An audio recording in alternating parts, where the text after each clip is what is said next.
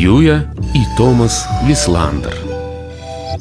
Малы і мядзведзік.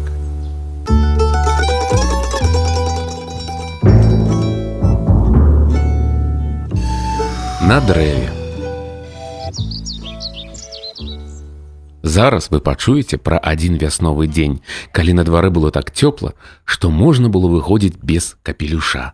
У той дзень малы спрабаваў забегчы на дрэва. Гэта было высачэзнае дрэва. Яно стаяла крыху далей за домам, дзе жылі малы і мядзведзік. Малы ўжо прыходзіў да гэтага дрэва раней з мамай. Ён спрабаваў залезці на дрэва, але ў яго нічога не атрымлівалася. Малы не хацеў, каб мама дапамагала яму. Ён хацеў залезці на дрэва сам. Мама, паслухай, сказаў малы, мне здаецца, што галінкі на дрэве пачынаюць расці надта высока. Так, я разумею, што ты маеш на ўвазе, адказала мама. Мама, сказаў малы, у мяне ўзнікла ідэя. Сапраўды, запыталася мама. Я забягу на дрэва, сказаў малы, забяжыш, запыталася мама. Так, сказаў малы, я толькі разганюся як след і забягу на дрэва. Ён адбег крыху назад і пачаў разганяцца, спыніўся, прыгледзеўся, папляваў на далоні. Мама, глядзі, раз, два, тры, я бягу! І ён пабег з усяе эмоцыі да дрэва, угару па ствале і з'ехаў уніз на зямлю. А ёй уздыхнуў малы. Дзе баліць? спыталася мама. Тут падзьмухай, калі ласка, попрасіў малы. Мама падзьмухала. Ты ўсё яшчэ лічыш, што ў цябе атрымаецца, запыталася мама. Так, адказаў малы, павінна атрымацца. Ён падняўся на ногі і адбег яшчэ далей. Разагнаўся, спыніўся, прыгледзеўся і папляваў на далоні тры разы. Мама, глядзі, раз, два, тры. І ён пабег яшчэ хутчэй на дрэва з усяе эмоцыі ўгару па ствале і з'ехаў уніз на зямлю летнюю крапіву а ёечки мама падзьмухай яшчэ. Мама падзьмухала яшчэ раз. Я ўжо больш не магу сказаў малы вельмі баліць. Ён крыху засмуціўся.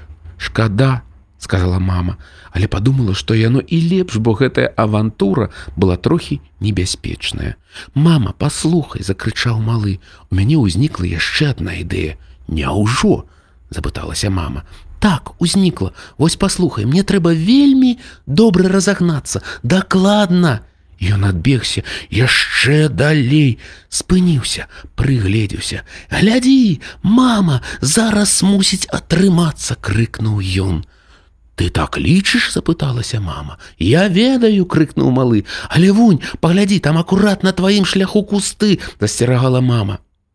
Я прабягу цераз іх, адказаў малы, але вунь, паглядзі яшчэ вялікія камяні, сказала мама.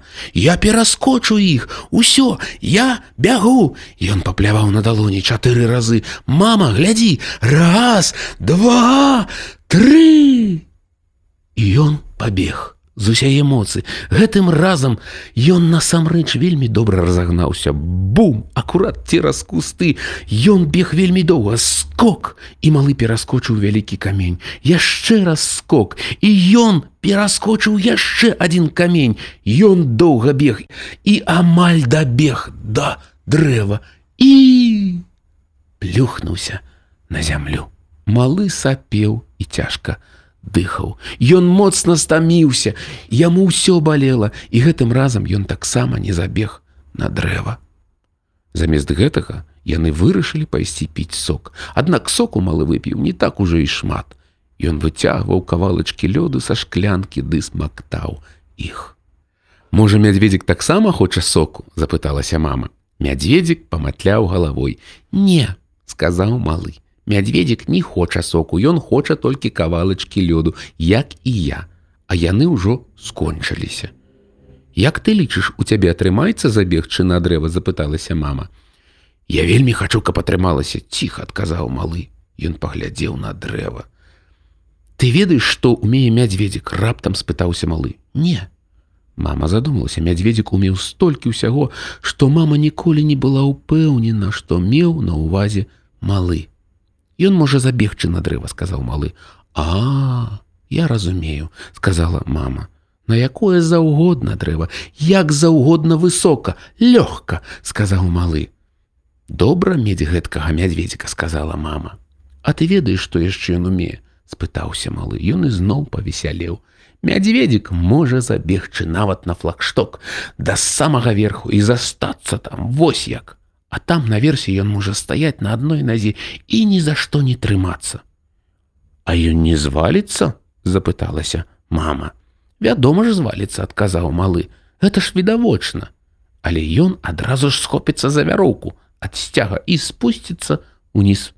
Які ў цябе спрытны мядзведзік акрабат, сказала мама. Малы зноў паглядзеў на дрэва. Паслухай, мама, сказаў ён ізноў троху засмуціўся. Калі б толькі я залез на дрэва, калі б я б тады палез на самы верх, вунь туды, і ён паказаў на дрэва, куды? запыталася мама. Вунь туды туды дзе сыходзяцца дзве тоўстыя галіны сказаў малы. Ага зараз бачу адказала мама. Я б сеў на галіны і назіраў сказаў малы і ўздыхнуў.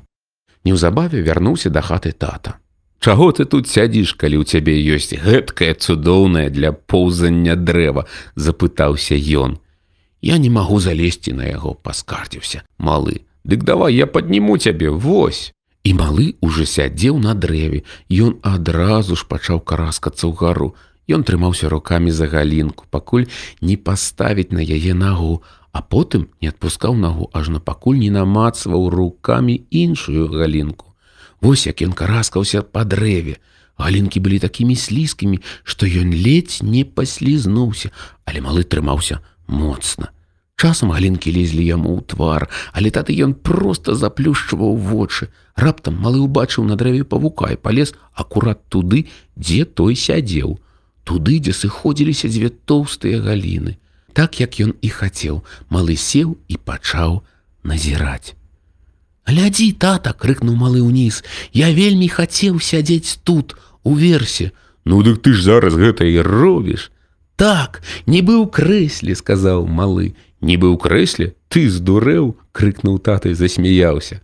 Ён пайшоў да хаты і прынёс садовае крэсла ды вяроўку. Потым залез на дрэва і прамацаваў крэсла на тыя дзве тоўстыя галіны.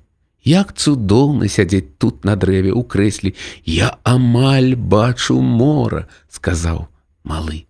Так, але яно вельмі далёка сказаў тата. Мядзведзік таксама хоча пасядзець тут крыкнуў малы. Тады тата працягнуў малому мядзведзіка. Увечары, калі малы пайшоў спаць, ён сеў у ложку побач з мядзведзікам. Яны ўяўлялі сабе, што сядзяць на высокім дрэве і распавядаюць адзін аднаму, што адтуль бачна. Яны сядзелі так і абодва выглядалі вельмі задаволенымі і малы і мядзведзік.